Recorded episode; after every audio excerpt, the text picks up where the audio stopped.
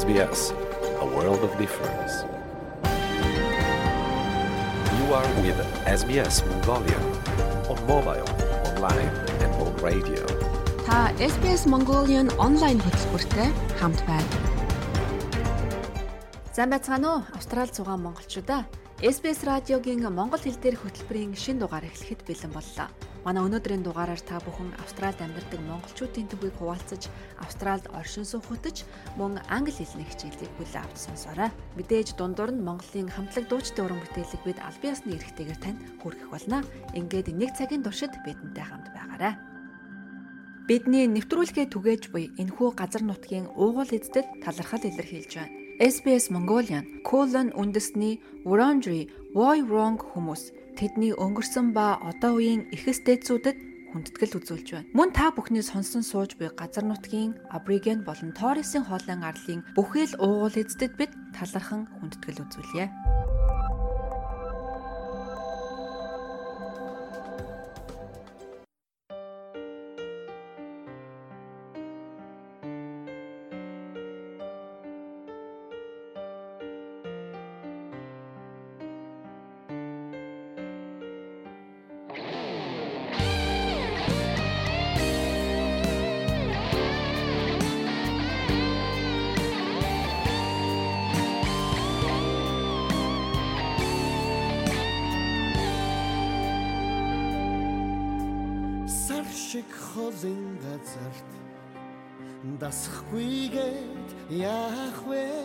Сайхан монгол бүсгүй.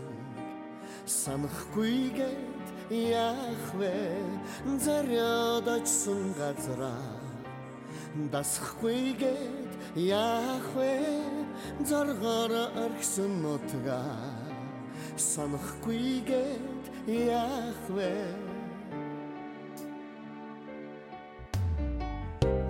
тайлах гэж би нутгасаа гарсан Нүдлийн шувуу шиг газар сайгүй тэнсэн Халуун хүйтнийг ажралгүй гүйсэн Харин хүмүүс нана иневч цаана хүйтээ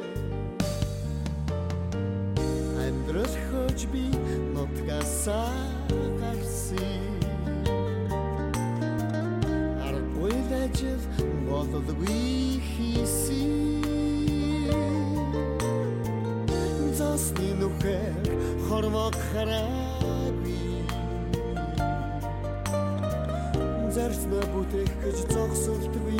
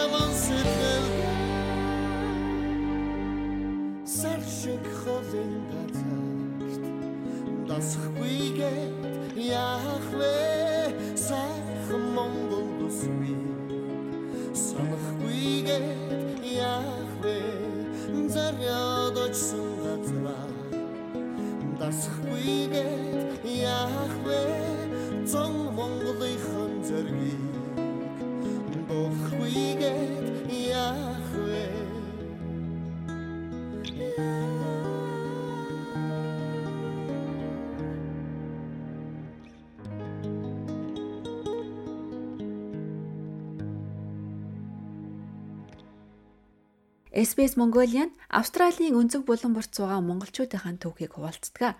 Ингээд манай ярилцлагын болон анхаарлаа хандуулно. Та SBS Монгол нэвтрүүлэгтэй хамт байна. За сайн байцгаана уу сонсогчдоо. SBS Mongolian та бүхэнтэй ярилцлагын булангаараа хүрэхэд бэлэн боллоо.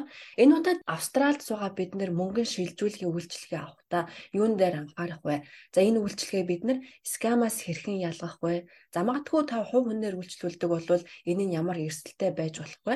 Аль бие усны үйлчлэгээ үзүүлдэг одоо компаниуд нь ямар онцлогтой ялгаатай байдгийг. За ер нь мөнгө шилжүүлэхтэй холбоотой Энэ бүх асуултуудад хариулахаар бид нэр удаагийн ярилцлага эхлүүлж байна.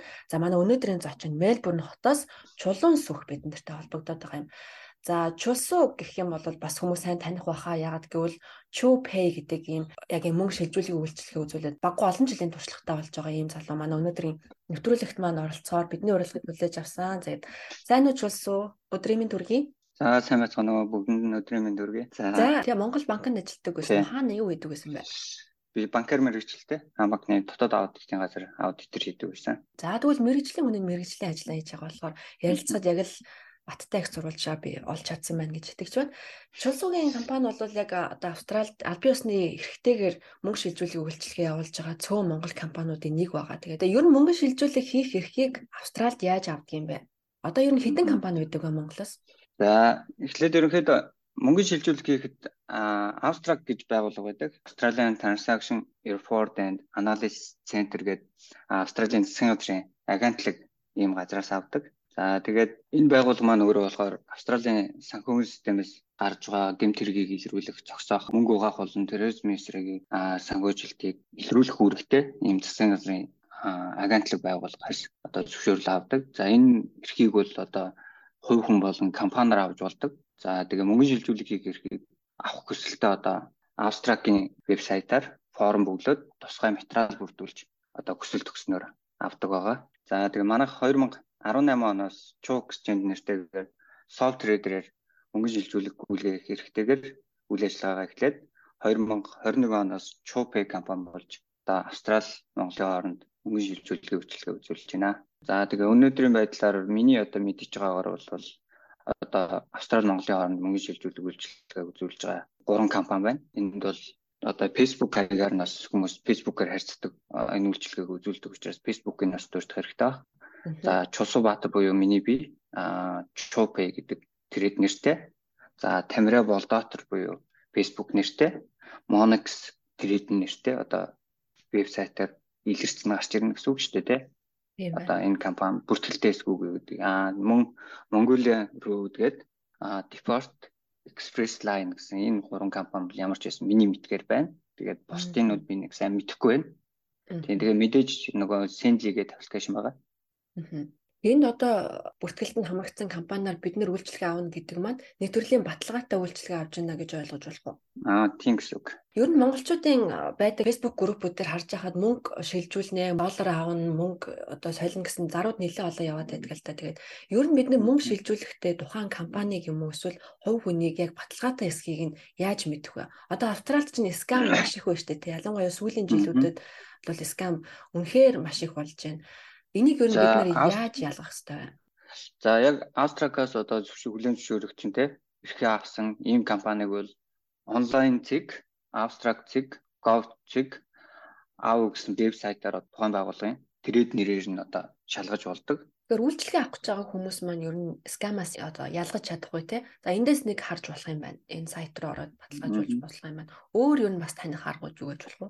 За өөр бусдаарч одоо яг зөвшөөрлгүй гүйлгээ юм гэдэг маань өөрөө гүйлгээ хийхгүй л байна л гэсэн үг л те. Тэгээд мэдээж гүйлгээ хийхийг үл энэ чэнэс шалгах ганцхан боломж нь л энэ гэсэн үг. Зөвшөөрөгдсөн байгууллагыг шалгах нь шүү дээ тий. А тэгвэл зөвшөөрөлгүй магадгүй хувь хүний хийж байгаа гүйлгээ ямар эрсдэлтэй байж болох вэ? Одоо зөвшөөрлгүй гүйлгээ хийж байна гэдэг маань хамгийн том эрсдэл маань одоо мөнгө угааж байна гэсэн үг. Мөнгө угаах. Одоо та өөрөө тэр зөвшөөрөлгүй байгууллагаар үйлчлүүлснээрээ та мөнгө угаалтын нэг хэсэг болж байна гэсэн үг байхгүй. За энэ маань өөрөө хамгийн том эрсдэл. Тэгээд зөвшөөрлгүй гүйлгээ хийж байгаа хүмүүс маань өөрөө өөрийгөө болон одоо харилцагч нараа одоо маш том мөнгө угаах эрсдэлд оруулж байна л гэсэн. Энэ маань өөрөө энэ одоо проблем асуудал гараад шалгах юм бол энэ маань өөрөө маш том торгуул ял шийтгэл авдаг байгаа. Аа мөнгөө солиулж байгаа би хүртэл энд буруутан болно гэсэн үг үү? Тий, буруутан болно гэсэн үг шүү дээ. Та нэг хэсэг нь бол болж байна гэсэн мөнгө угаалтын. За энэс айгүй сайн бид нар мэдчих хэвээр юм байна шүү. Би чинь үйлчлэгээ аваад нэг удаа өнгөрч байгаа. Магадгүй мөнгөө солиулаад авсан надад тохиолдол болцсон тий. Цаана би цаана бол та мөнгө угаалтанд оролцож байна л гэсэн. Гэмт хэрэгтэн болчихж болох нь шүү дээ тий тэгнэ гэсэн. За хэрвээ муугар удаад магадгүй хувь хүнээр юм уу эсвэл одоо юм бүртгэлтэй компаниар биш газраар мөнгөө солиулаад хэрвээ залилуулсан тохиолдолд бид нар хаана хандах ёстой вэ? За мэдээж энэ тохиолдолд бол шууд цагдаад репорт өгөх ёстой. За тэгээд цагдаагаар хуулийнхаа дагуу шийдэх ёстой. Бид нар болохоор одоо бид нар дээр ч гэсэн юм шижигдэг гүйлгэнүүд гардаг. Одоо залилангийн залилангийн шинжтэй гэсэн үг шүү дээ, тий. За ийм гүйлгэнүүд бол бид нар одоо энэ зөвшөөрөл авсан абстракт гэдэг байгууллагатай 24 цагийн дотор мэдэгддэг манайхыг залилж одоо хоромж бүлгэж гэдэг юм эсвэл одоо хоёр өөр харилцагчаар мөнгө авъя манай данс руу шилжүүлүүлээд өөрөө одоо Монголд одоо өөрийнхөө өөр дансаар авдаг ч юм бэл тэ. Ийм одоо скам бас гардаг. Өөр бид нэр энэ мөнгө шилжүүлж явах үедээ юун дээр анхаарч байх вэ? За тэгээ мэдээж таньж мэддгүүл бол хэцүү шттэ тий. Ямар ч эрсдэл гарч болно. Одоо жишээ нь мэдээж энэ мэдээлэл 900-д одоо янз бүрийн скамууд маш их болсон. Тийм учраас аль биесны байгууллагаар л үйлчлүүлээрээ одоо хэлмээр байна. Болно. Одоо нааха өнөөдрийн нэг төгрөг байж болно дээ. Тэр маань ирээдүйд өөр чинь ханшийн зөрүүг бол нэг амар зөрүү байдгүй. Ерөнхийдөө бол Тэгэхдээ мөнгөө шилжүүлснээр гарах эрсдэл нь өөрөө тэрнээс их маа л тэгээд хэлэх хэрэгтэй. Аншиг ер нь яаж тогтоох юм бэ? За мэдээж үндсэн анш бол одоо олон улсын зах зээлийн австрал доллар ерөнхийдөө Америк долларын ханшийн нөлөөллөөр гардаг. Мэдээж Монгол онцны албан анш гэж байдаг тийм. Энэ анш маань бол одоо яг дэлхийн зах зээл дээр өнөөдөр одоо Монгол төгрөг австрал доллартай ямар тэнцүү байна вэ гэдгийг харуулдаг. Аа тэгвэл эдийн засгийн одоо нөхцөл байдлаас болж мөн одоо эрэлт нийлүүлэлтээс шалтгаалж бас ханш хэлбэлцэх юм тохиолдлууд гардаг.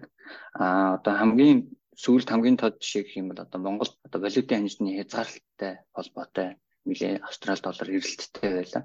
Яг тэгэхээр Монголоос одоо их хэмжээний дүнтэй ч гэдэг юм асуул одоо шилжүүлэх боломжгүй ч юм уу тийм ийм байдлаас болоод нэлээ хэлбэлцтэй байлаа. Тэгээд бас австрал доллар маань өөрөө бас онцлогтой байлууд одоо хэлбэлцлэгтэй байдаг юм байлууд байгаа. Тийм болохоор санш манд бас нэлээд докторгүй байдаг. Ер нь энэ шилжүүлэг хийдэг компаниуд санхүүгийн бусад үйлчлэгээ үзүүлэх эрх байдгүй. Жишээлбэл одоо зээл олгомж гэдэг юм уу?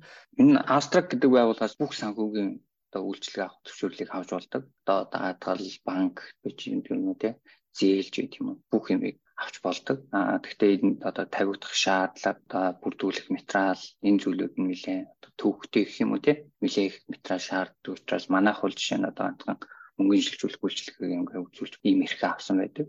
Компаниуд өөрсдөө одоо хэм үйлчлэгээ үзүүлье гэх юм бол одоо Австракаас бүх материалыг бүрдүүлээд дижнээс зөвшөөрлөө аваа авах юм бол үйл ажиллагаа явуулахад нээлттэй тийм байдаг. Мөнгөний шилжүүлэг гэхээр бид нар энэ дээр бас банкны үйлчлэгийг бас ярилцах хэрэгтэй болох байх л та. За ялангуяа Австралид бол бас өндөр дүнтэй гүйлгээ ойр ойрхон хийх нь магадгүй с ิจ гтэй гүйлгээ гэж харагддаг. Бас магадгүй шалгагдах нэг үндслэл болдог штэ тийм ээ. Энэ талаар бас хүмүүс тайлбарлаж ярил. За яг манайхан ч нөгөө жоохон одоо сагүүн гүйлгээний нэлээд замраагүй гэдэг. Одоо нэг данс руу маш богино хугацаанд ч юм уу те. Дүн нэг чухал биш ярьж гисэн. Ингээ богино хугацаа давтамжтай одоо гүйлгээ а эсвэл ерөнхий тийм давтамжийг л их хардаг да гүйлгээний. Ягаад тийм яг тэрийг зүгээр сэжигтэй сэжигтэй гүйлгээл гэж. Скам ерөнхийдөө нөгөө скам чинь ерөнхийдөө нэг удаа хийгдсэн гүйлгээ одоо ингээ баг дүнгээр байт юм уу те дүн нэм ойролцоож байт юм уу юм олон давтамжтай хийхин өөр скам гэдэг аларм одоо банкуудын одоо тийм өөрсдийнх нь аппликейшн юмнууд дээр гарч идэг дотоод мэдээлэл дээр нь. Тэгээд бас аа манай одоо манайхан ч одоо ийм төргийн шуурхай тий хордон ийм одоо гүлгээлхийг айгүй шаардаад байдаг. Тэгээд энэ Австрали маань өөрөө бас тийм биш. Одоо зарим гүлгээг бол одоо сэжигтэй гэж үзэх юм шүү зогсоодог ч байт юм уу тий. Ийм байдаг учраас бас гүлгээний талдаараа бас анхаарч ихын зүйтэй. Ямар тавтамжтай яаж гүлгээгээ өөрийгөө дансаа удирдах уу гэдэг нь бас чухал юм байдаг. Тэгвэл дан судардах тал дээр бас зөвлөгөө өгч болсон. За ерөнхийдөө зүгээр яг хэрэггүй манайхан одоо ингээд нөгөө нэг нэгэн рүүгээ ч гэдэг юм те ингээд мөнгө зээлээд ингээд хэрэггүй гүйлгэнүүд хийдэг гэх юм да те одоо шаардлагагүй гүйлгэнүүд тий тийм гүйлгэнүүдэл баг хийх хэрэгтэй л гэж миний зүгээс бодож байна да. Тэрнээсээр бол үнэхээр хүн санхүүгийн шаардлагатай бол бас хийхгүй хийхгүй гэж хэлж бас болохгүй шүү дээ те. Шаардлагагүй гүйлгээхтэр одоо жишээлбэл мөнгө одоо нэгнээсээ зээлээд буцаагаад өгөх эдэр гэдгийг нэрлэж байна уу? Яг юуг шаардлагагүй? Тий, бараг л тий тэр чинь бас ингээд сэжигтэй гүйлгээ аахгүй юу? Нэг руугаа ижил дүнтэй гүйлгээ хийгээд буцаагаад хийх нь бас бас сэжигтэй гүйлгээ гэж үзэгдэнэ. Тэгээд хэрвээ одоо минийхийг шалгана гэвэл ямар нэгэн тийм нотификейшн ирэх үү? Яаж намайг шалгаж байгааг бид нар яаж мэддэг вэ? Ерөнхийдөө гүйлгээг л зарцаадаг л та. Одоо гүйлгээг одоо шууд орохгүй байдлаар ч гэх юм те гүйлгээ чинь хийгдэхгүй транзакшн одоо удаан хийгдчихлээ ерөнхийдөө шалгаж байна л гэсэн. Пендинг гэдээ байгаад байдаг те заримдаа. Тий, пендинг үл яг ерөнхийдөө хоёр талтай. Нэг нь одоо таныг санхүүгийн талаас эрсдлээс хамгаалж ин та энэ гүйлгээ хийсэн үгүй юу гэдгийг тодорхой хугацаанд мэдэх боломжтой, буцаах боломжтой гэсэн үг.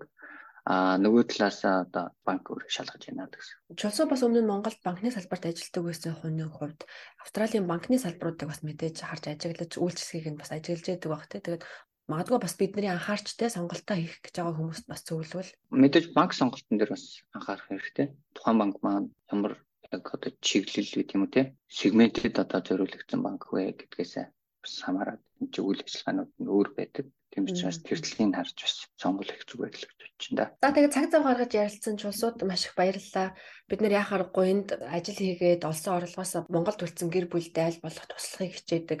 Ер нь мөнгө шилжүүлэх үйлчлэгээ гэдэг бол баргал бидний өдөр тутам магадгүй сар болгон 7 хоног болгон энэ үйлчлэгийг авдаг. За магадгүй нэг Хүний үйлчлэгээ аваад идэг өөрөө цаанаа бас гэмт хэрэгтэн болоод иж магадгүй байх шүү гэдгийг ч бас бид нэр энэ ярилцлагаас маш сайн ойлгож авлаа. Тэгээд бидний цаг цаг гаргаж ярилцсан шулсуудаа маш их баярлалаа. Амжилт хүсье цаашдаа ажил. За баярлалаа. Бүгдэнд нь ажлын амжилт хүсье. За баярлалаа. Баяртай.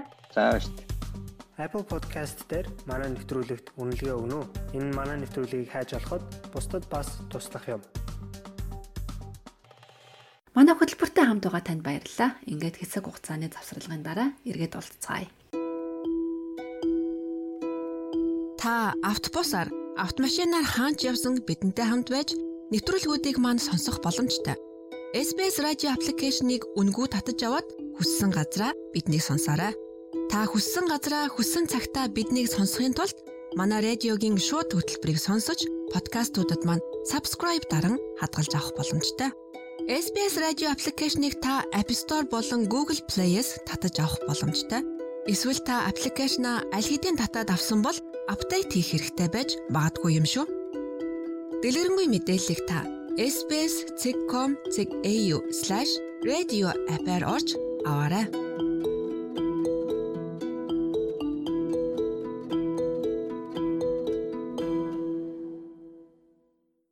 SBS Mongolian радио хөтөлбөртэй хамт байгаа танд баярлалаа. Одоо Австралид оршин суух хөтөч нэвтрүүлгийг хүлээн авч сонсцгоё. Та SBS Монгол нэвтрүүлэгтэй хамт байна. Цалингаа нэмэхийг хүсэх нь олон ажилчдад айдас төрүүлдэг байж болох юм. Гэхдээ та айх хэрэггүй. Хэрвээ танд зөв үндэслэл байгаа бол хамт ажиллагсатайгаа нийлэн эсвэл ганцаараа ч байж болно. Ямар тач ажил олгогчтойгоо энэ тухай ярилцаад үзэх хэрэгтэй. Австральд ажлын байрнаас хамааран цалингийн нэмэгдэл авах нь таны хууль ёсны эрхч байж болох юм. Гэхдээ ингэж ярилцахаас өмнө манай нэвтрүүлгийг сонсоод үзээрэй. Бид цалин нэмэгдүүлэх хүсэлт гаргах ярианд хэрхэн бэлдэх талаар зарим арга замуудыг танд зөвлөх гэж байна. Apple Podcast дээр манай нэвтрүүлэгт үнэлгээ өгнө үү? Энэ манай нэвтрүүлгийг хайж олоход бусдад бас туслах юм. Цалингийн өсөлттэй холбоотой дүрм журм нь ажлын байр бүрд өөр өөр байдаг. Гэхдээ байгуулсан гэрээнд ажилтны жилийн гүйцэтгэлтэй уялдуулан цалингийн өсөлтийн хугацааг ихэвчлэн тодорхойлсон байдаг. За гэхдээ ажилчид өөрсдөө хүссэн үедээ цалингаа нэмэгдүүлэх хүсэлтээ гаргаж менежертэйгээ ярилцаж болно. Латропийн их сургуулийн профессор Сузана Янг Австралид жилийн аль цагт дарагтайгаа цалингийнхаа талаар ярилцах тохиромжтой үе байдгийг ингэж зөвлөлөө would recommend that it should be done before the end of the Санхүүгийн жил дуусахаас өмнө ярилцах ёстой гэж би зөвлөмөр байна. Жил бүрийн 6 дугаар сарын 30-нд санхүүгийн жил дуусдаг. Тэр үед эх оны төсөв санхүүгээ төлөвлөдөг юм. Тиймээс тухайн санхүүгийн жил дуусахаас өмнөхөн за 4-өөс 5 дугаар сарын үед цалингийн өсөлтийн талаар уулзаж ярилцах нь тохиромжтой байдаг. Энэ нь дараагийн жилийн төсөвт суулгах тохиромжтой цаг үе. Ажилчид цалингаа жил бүр нэмэгдүүлэх нь тэдний хууль ёсны эрх байж болно. Австралийн ихэнх ажлын байрууд үндэсний ажлын байрын хамгаалалтын тухай хууль тогтоомжийн төв байгууллага болох Fair Work системд хамрагддаг. Үүнд тодорхой салбар мэрэгжлэр ажиллагчдын хууль ёсны хөдөлмөрийн хөлсний доод хэмжээг тогтоосон цалингийн хувь хэмжээг заасан байдаг. Энд багтсан ажилчид жил бүр цалингийн доод хэмжээгээр өөрийн цалингаа нэмэгдүүлэх эрхтэй байдаг.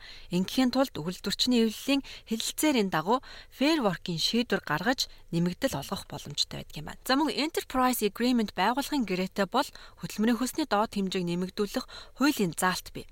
Ажилчид тэдгээрийг төлөөлөгчд ажил олгогчийн хоорондын хэлэлцээрийн үр дүнд гэрээ байгуулан нэмж болдог. Профессор Ян хэлэхдээ цалингаа нэмэгдүүлэхийг хүсэхээс өмнө та хамгийн түрүүнд байгууллагын гэрээтэй ажилдгүй эсвэл Fair Work-оос тогтоосон цалингийн доод хэмжээгээр үнэлэгдэж байгаа юу гэдгээ мэдэж аваарай. Нэмжлэхэд та хуулиар тогтоосон хөдөлмөрийн хөлсний доод хэмжээнээс илүү нэмэгдэл авах эрх танд бүрэн бий. Тиймээс та ямар ч нөхцөл цалин нэмэх талаар тохиролцож болно. Танд гэрээнд зааснаас дээгүүр цалингийн тухай ярилцаж болно. Таны ажил үргийн тодорхойлолтон заасан хэмжээнээс илүү их зүйлийг та гүйцэтгэж байгаа бол цалингийн ангиллыг өөрчлөх талаар тохиролцож болно. Дараа нь цалин нэмэгдүүлэхийг тэд зөвшөөрөх болно. Хүний нөөцийн мэрэгжилтэн Карен Келлин хэлснээр олон хүмүүс илүү өндөр цалин эсвэл албан тушаал ахихыг хүсэх нь эвгүй зүйл гэж үздэг. Өөр соёлтой ажилчид үүнийг ээлдэг бус байдал эсвэл өндөр албан тушаалтантай хүний эрх мэдлийг давсан алхам болно гэж ойлгодог. Гэсэн хэдий хэрв та цалингаа нэмэгдүүлэх шаардлагатай боломжтой гэж үзэж байгаа бол ярих нь хамгийн чухал юм. Some employers don't want to give people more money, right? And they will say no, but it's not because it's Зарим ажил олгогчид хүмүүст илүү мөнгө өгөхийг хүсдэггүй. Тийм ээ, тэд үгүй гэж хэлж болно. Гэхдээ энэ нь үндэслэлгүй учраас та нэмүүлж чадахгүй гэсэн үг биш. Хэрвээ таны оруулсан хувь нэмэр үнэхээр илүү их цалин хүртэх ёстой гэж та үзэж байгаа бол үүнийг асуух нь зүй ёсны хэрэг юм. workplace culture to help confidence that it is reasonable for you to ask the question. Таны ажилдаг салбар, тантай ажил, ажлын байр орчинд харьцуулж болох цалингуудыг судлаж үзэх нь танд хэрэгтэй мэдээлэл байх болно гэж профессор Янг хэлж байна. Гэхдээ ажлын байранд бусдын цалин асуух нь тохиромжгүй. Үүнийг нууцладаг соёл байдгийг битгий мартаарай. Энэ нь залуу ажилчид эмэгтэйчүүд цөөнхийн бүлгүүдэд сөргөөнөлүүлж болох юм а. You often find that there's a disparity. in Цалингийн хувьд ялгаа тэгш бус байдал байдгийг та олонтаа харсан байж болно. Хамт ажилладаг хүмүүстэйгээ эвтэйхэн байх нь чухал гэж би бодож байна. Тэгээд хэсэг хугацааны дараа та эдгээр зүйлсийн заримыг нь ярьж анхаарлын төвд авчирж болно. Таны хийж чадах өөр нэг зүйл бол хэрв танай ажил дээр үйлдвэрчний эвлэлтэй бол тэднээс асууж зөвлөгөө авч тусламж хүсээрэй. Тэд илүү их ойлголттой байдаг. Мишель Онел бол Австралийн үйлдвэрчний эвлэлийн зөвлөлийн ерөнхийлөгч юм. Тэрээр хэлэхдээ үйлдвэрчний эвлэлийн төлөөлөгчд нь салбарын хэмжээнд харьцуулж болох үуч ажилчдын цалингийн талаар мэдээлэл цуглуулгатай нь туслаж болно гэлээ. Энэ мэдээлэл нь таны цалингийн өсөлтийг хэлэлцэхэд хэрэг болно. Та ижил ажил хийж өөр компанид эсвэл өөр байгууллагад ажиллаж байгаа хэн нэгэн ямар цалин авч байгааг олж мэдэх боломжтой. Ингэснээр та цалин нэмэгдүүлэхээр ярилцаж байхдаа бусад хүмүүс ижил ажил хийснийхээ төлөө ийм цалин авч байна гэдгийг харуулах боломжтой юм а. Хадагтай O'Neil цалин хөлсийг сайжруулах талаар үйлдвэрчний эвлэлийн гишүүн болон бусад ажилчдын хамт нэгдэж хүсэлт гаргах нь илүү хялбар гэж үзэж байна. Even if your workplace hasn't had an agreement before, хэдийгээр таны ажлын байр урд өмнө гэрээ байгуулаагүй байсан ч та үйлдвэрчний эвлэлийн бусад ажилчтайгаа нэгдэж энд ажиллаж байгаа хүн бүртээ гэрээ байгуулах хүсэлтэй байгаагаа илэрхийлж болно. Энэ бол цалин нэмэх хамгийн эхний сайн арга юм. Хөв хүн ингэж шаардахад илүү хэцүү байдаг учраас нэгдэх нь үр дүнтэй. Австралийн үйлдвэрчний эвлэлийн гишүүд нэгдмэл бус хүмүүсээс 7 хоногт дунджаар 312 доллараар илүү цалин авдаг болохыг нотлох баримт байна. Үйлдвэрчний эвлэн ажилчдыг энэ үйл явцыг үр дүнтэй удирдахад нь туслах заавар зөвлөгөөгөөр хангаж болно. I think it's always important to be well prepared. Сайн бэлтгэлтэй байх нь чухал гэж би боддог. Энэ бол эвлэл танд туслах гол зүйл юм. Тэгэхээр та хамгийн сүлд хизээ цалингаа нэмүүлсэн бай. Таны ажил хэрхэн өөрчлөгдсөн. Тэгээд илүү их үүрэг хариуцлага хүлээж байгаа бол түүнийхээ үндслүүд юу вэ? Үүний жишээ болгоод бодож үзээрэй. Гэхдээ энэ бол та цалингаа нэмэгдүүлэх хүсэлт гаргахын тулд заавал үйлдвэрчний эвлэлийн гишүүн байх ёстой гэсэн үг биш юм. Хэрвээ та өөрийн нэрийн өмнөөс хүсэлт гаргаж байгаа бол таны оруулж буй хувь нэмэр таны үнцний талаар ярианда оруулж ярилцах нь чухал гэж профессор Янг танд зөвлөж байна.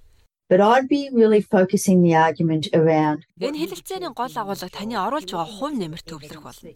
Жишээ нь өндөр үр ашиг харуулж чадах уу? Та тодорхой хэмжээний мөнгө эсвэл тодорхой шинэ үйлчлүүлэгч авчирсан. Үр ашгийг нэмэгдүүлэхийн тулд ажлын явцыг хурдсгасан өөрчлөснөө харуулж чадах уу? Хүний нөөцийн мэрэгжилтэн Karen Gale-ийн хэлж байгаагаар таны цалин хэр нэмэгдүүлэх нь таны ажиллаж байгаа байгууллага болон ярилцаж байгаа хүнээс хамааран өөр өөр байх болно гэлээ. Гэхдээ нөхцөл байдлыг хэтрүүлэн бодох шаардлагагүй гэж тэрээр мөн зөвлөлөө. It's always a one-to-one conversation. And again it'll depend on the Ийм яриаг өөр хүмүүсийн дэргэд бус яг тухайн асуудал мэдэх хүнтэйгээ хоёулаа хийх нь зүйтэй. Дахин хэлэхэд таны шууд тайлангийн менежер мөн эсэх тэдний ажлын төрөл юу вэ гэдгийг нь та бодож үзээрэй. Хэрвээ тэд ажлын өрөөндөө сууж байгаа бол та хаалгыг тогшоод ярилцахад тохиромжтой цаг мөсгийг нь асууж болно. Үгүй бол цаг товлохыг хүсэх нь илүү тохиромжтой. Мөн та үүнийг өөрийн оюун ухаандаа хэд ачаалал өгч асуудал болохгүй байхын дээр гэж бодож байна. a problematic event in your own mind will really help. Профессор Янг мөн цалингаа нэмэгдүүлэх хүсэлт гаргахдаа мэрэгжлийн хандлагатай байх нь чухал гэж зөвлөлөө. When you're actually asking for a pay rise. Чи үнэхээр цалингаа нэмэгдүүлэхийг хүсэж байгаа бол за би шаргуу ажилласан эсвэл амьдрахад хэцүү байна гэж ярихаасаа илүү сэтгэл хөдлөлөө хасаж та нотлох баримтаа харуулж түүнийгээ ажил хэрэгч байдлаар танилцуулан өөрийгөө сайжруулж байгуулгын төлөө шаргуу ажиллаж байгаагаа харуулах хэрэгтэй юм а. Австрали улсад амьдарч эхлэх гэж байна уу? Хэрэгтэй мэдээллийг SBS.com.cg юу? Уршаа зураас Mongolian хуудасаас хүлээн авах нь.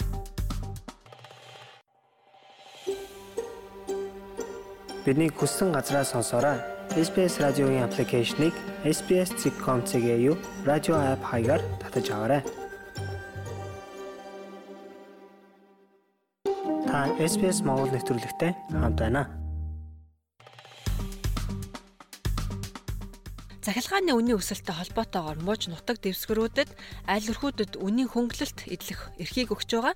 За мөн хүүхэд харах үйлчилгээний хөнгөлөлт, цалингийн өсөлт, тэтгэврийн насыг нэмэгдүүлэх зэрэг санхүүгийн шинэ жилээс эхлэх өөрчлөлтүүдийг эндээс та сонсоорой. Таны халаас нь нөлөөлөх олон өөрчлөлтүүд гарч ирж байна. Ингээд эхнээс нь нэрлээд тайлбарлаж явъя. Тэтгэврийн баталгаажуулсан хувь хэмжээ буюу таны ажил олгогч хууль ёсоор төлөх ёстой тэтгэврийн доод хэмжээ таны цалингийн 10.5% байсныг 11% болгож өсгөж байна. Энэ бол мэдээж TFN-аар ажилладаг хүмүүст хамааралтай. За өмнө нь өндөр настай австралчууд 200 мянган долларыг татваргүйгээр тэтгэврт гарахтаа орлогодоо шилжүүлэн авах боломжтой байсан бол энэ хэмжээг 1.7 саяас 1.9 сая болгон өсгөж байна.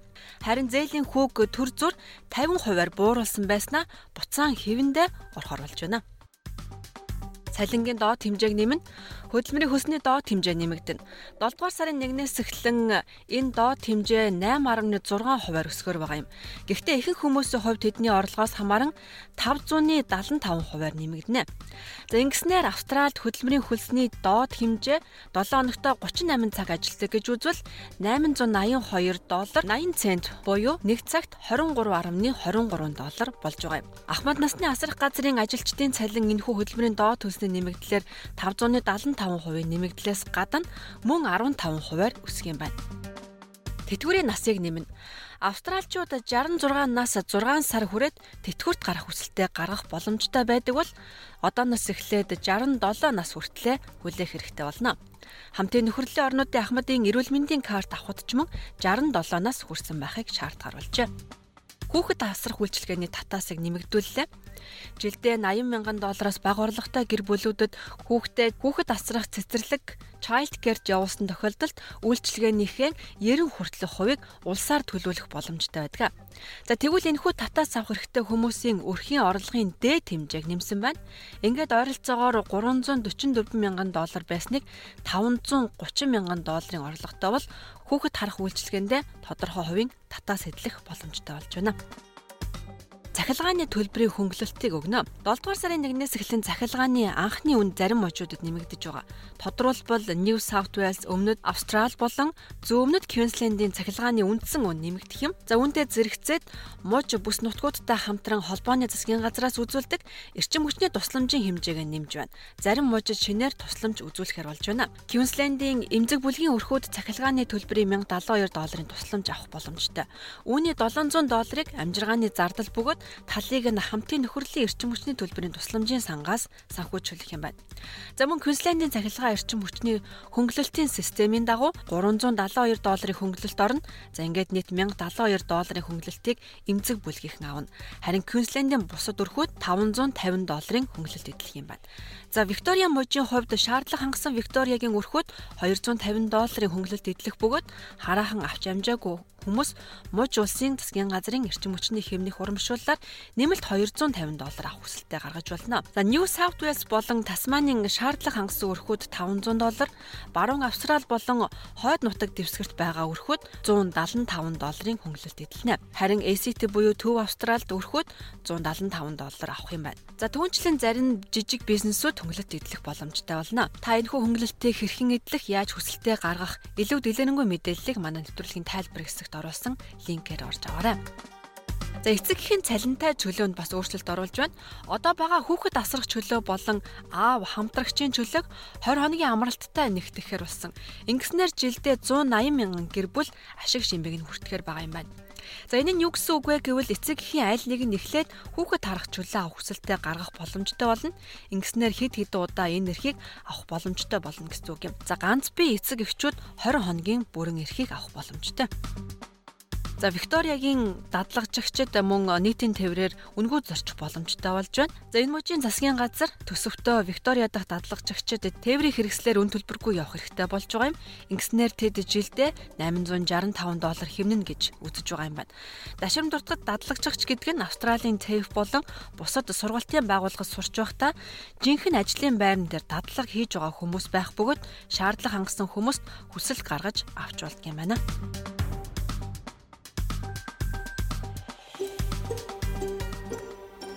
Австрали улсад байгаа бусад монголчуудтайгаа холбогдоорой. SBS.com.cg юу уршаа зураас Mongolian хуудасаар зочлоорой.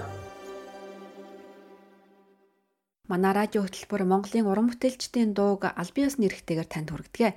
Ингээд нэгэн уран бүтээлийг танд зориулъя.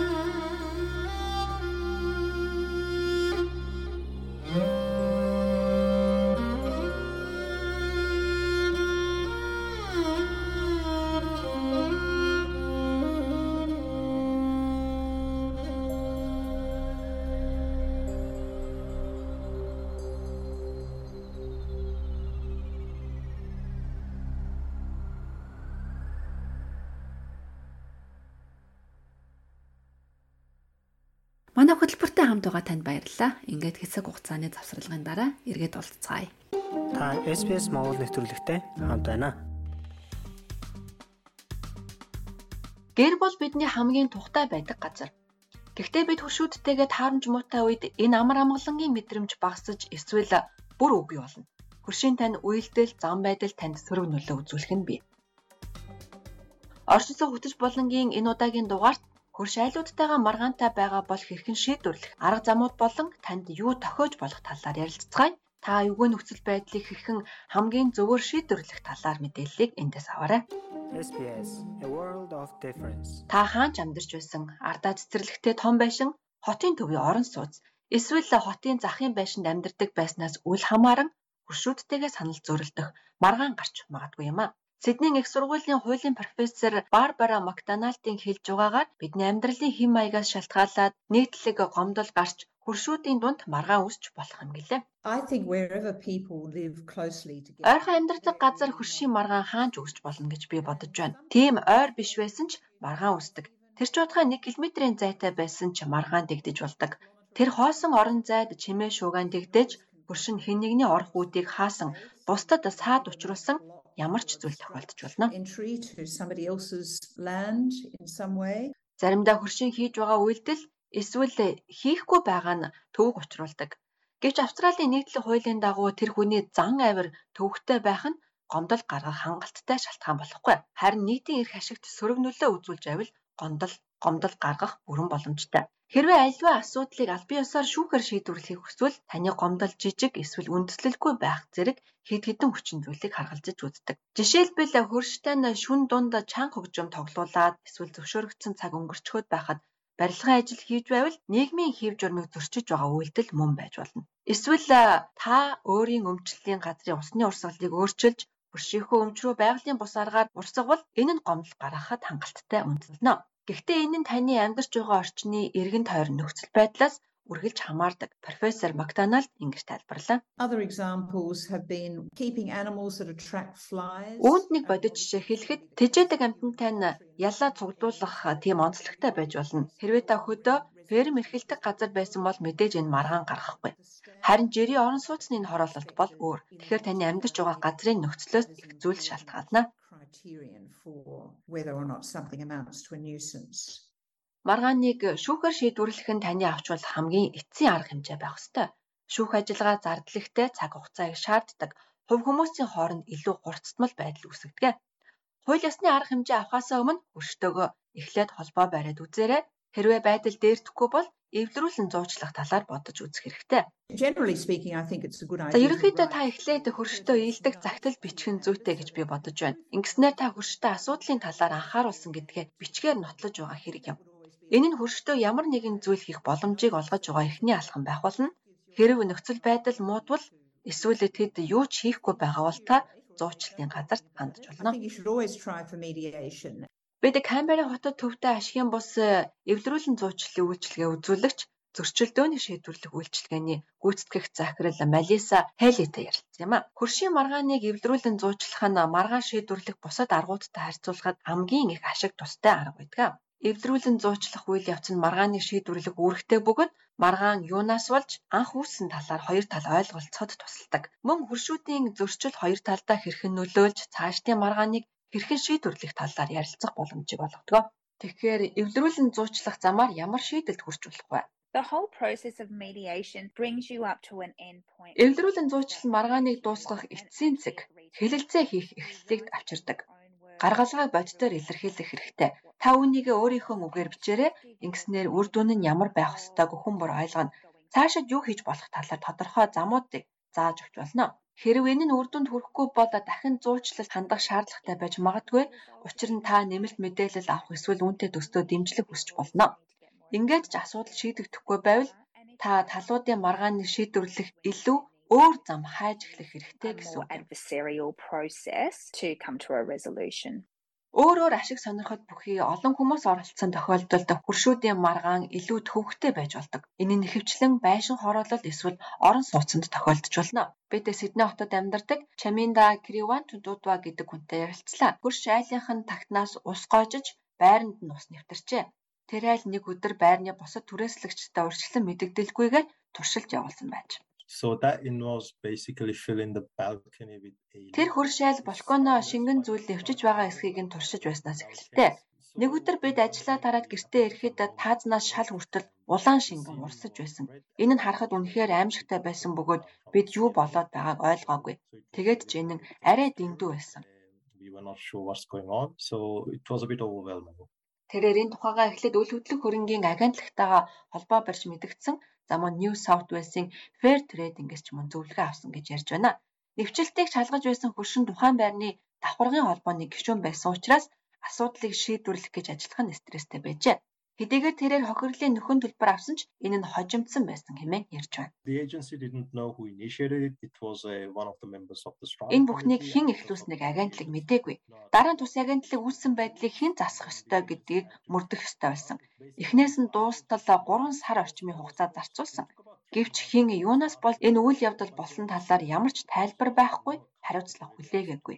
Үүний оронд тэд ийм зүйл дахиад тохиолдвол илүү мэдээлэл солилцдог байх зарим арга хэмжээ авсан.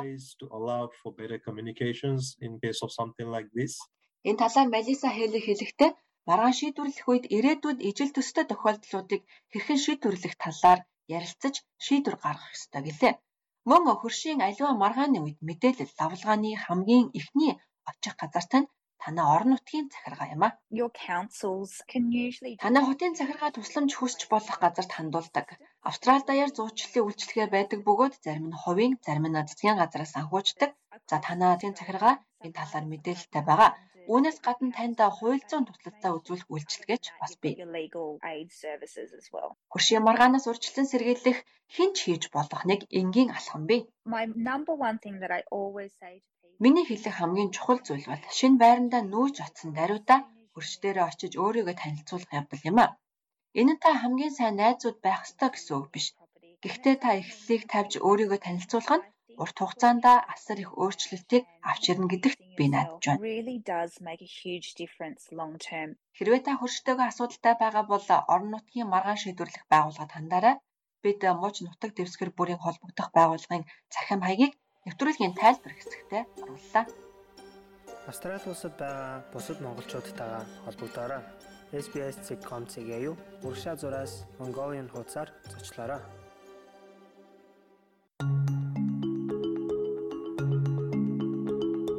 SBS Mongolian танд таалагдсан бол сошиал ертөнцид бидэнтэй холбогдож ярилцаарай. Та биднийг Facebook-ээс SBS Mongolian гэж хайгаад олох боломжтой.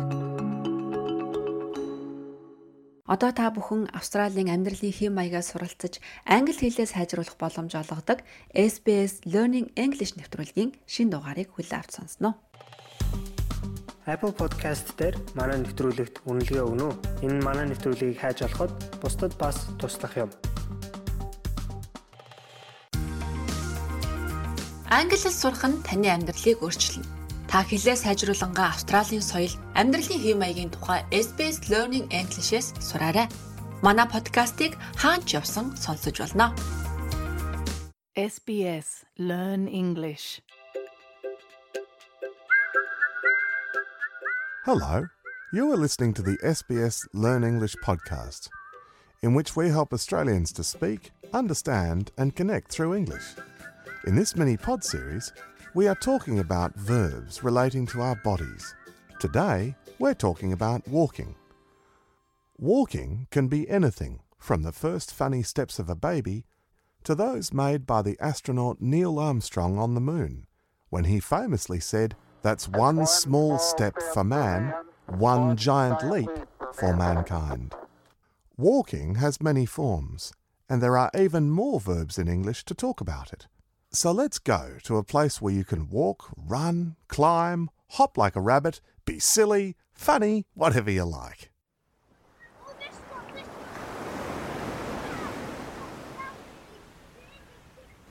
The Bondi to Coogee Coastal Walk.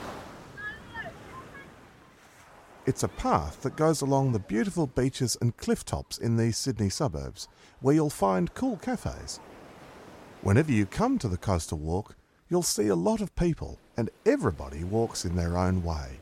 Let's explore this while I go on a long walk along the coastal path, starting at Bondi. When people go on a long walk in the countryside, we call it hiking. But be careful. If you tell someone to take a hike, it means go away and is rude. It's not swearing, but it's also not a very nice thing to say. So we tend to use it when we are angry.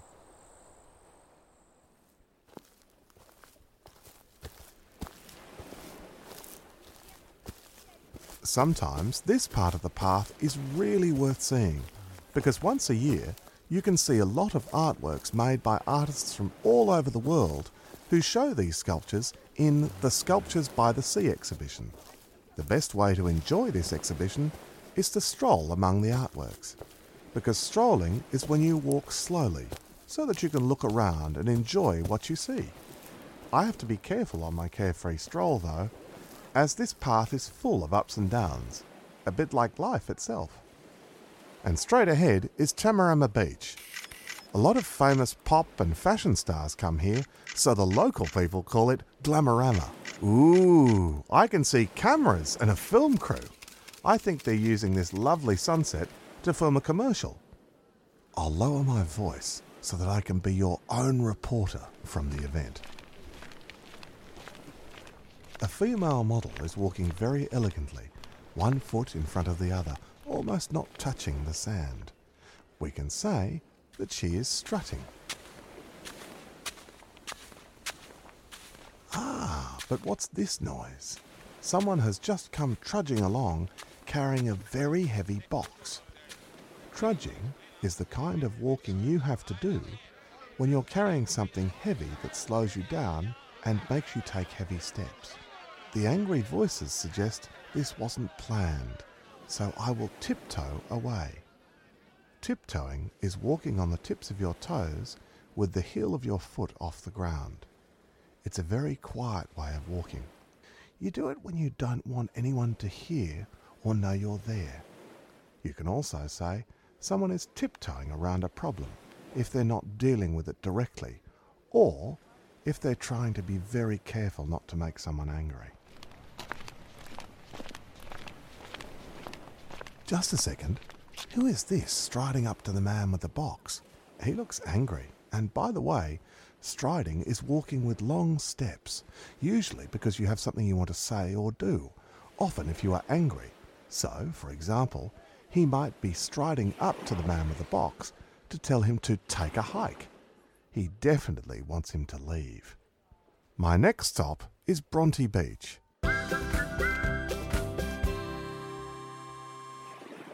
Here, there are rocks under the water which make swimming difficult, but they also make a lovely rock pool that has fresh water from the ocean that is beautiful and calm because it is sheltered from the waves.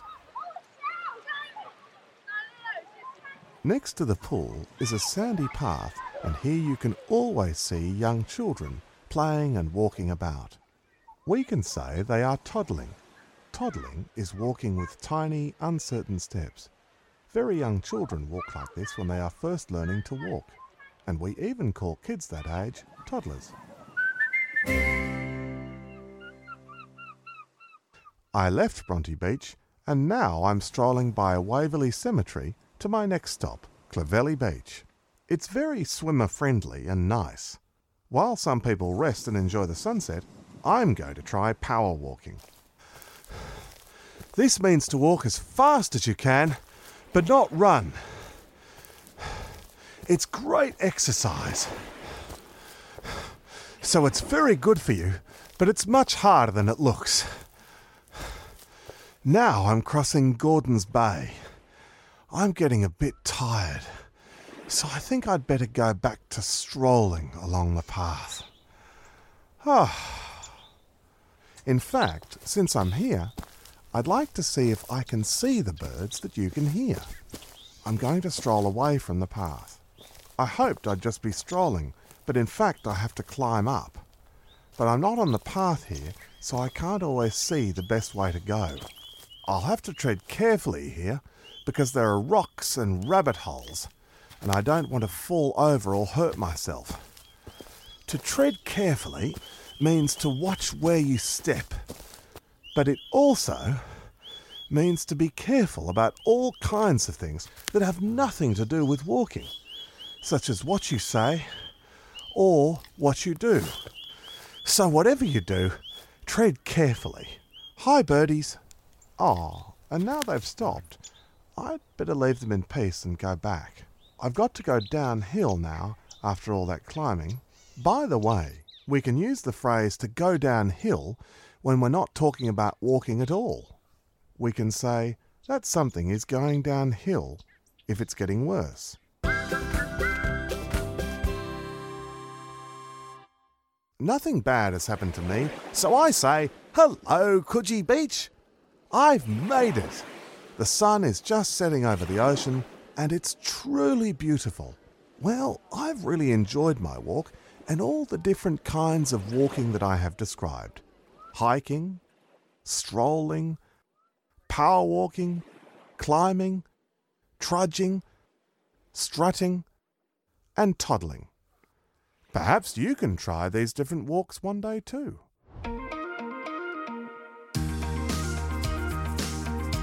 This was the SBS Learn English podcast. Subscribe so you don't miss an episode, or reach out on Facebook. We are SBS Learn English. SBS радиогийн монгол хэл дээрх хөтөлбөртэй хамт байсан танд баярлалаа. Ирэх 7 хоногийн пүрэв гарагт 2 цагт эргээд уулзцагаая. Түр баяртай.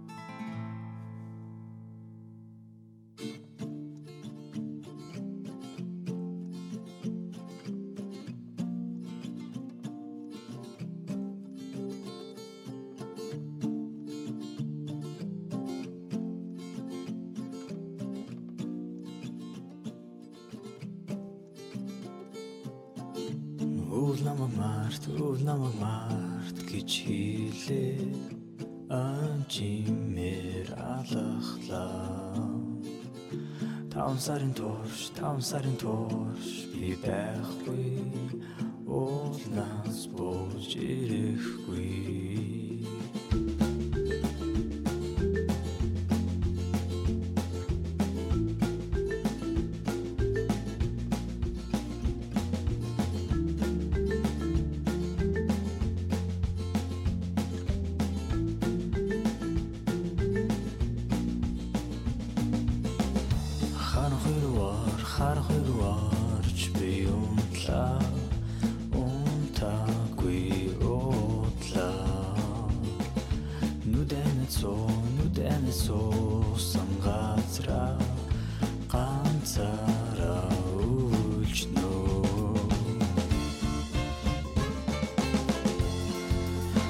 сэтгэл онгоо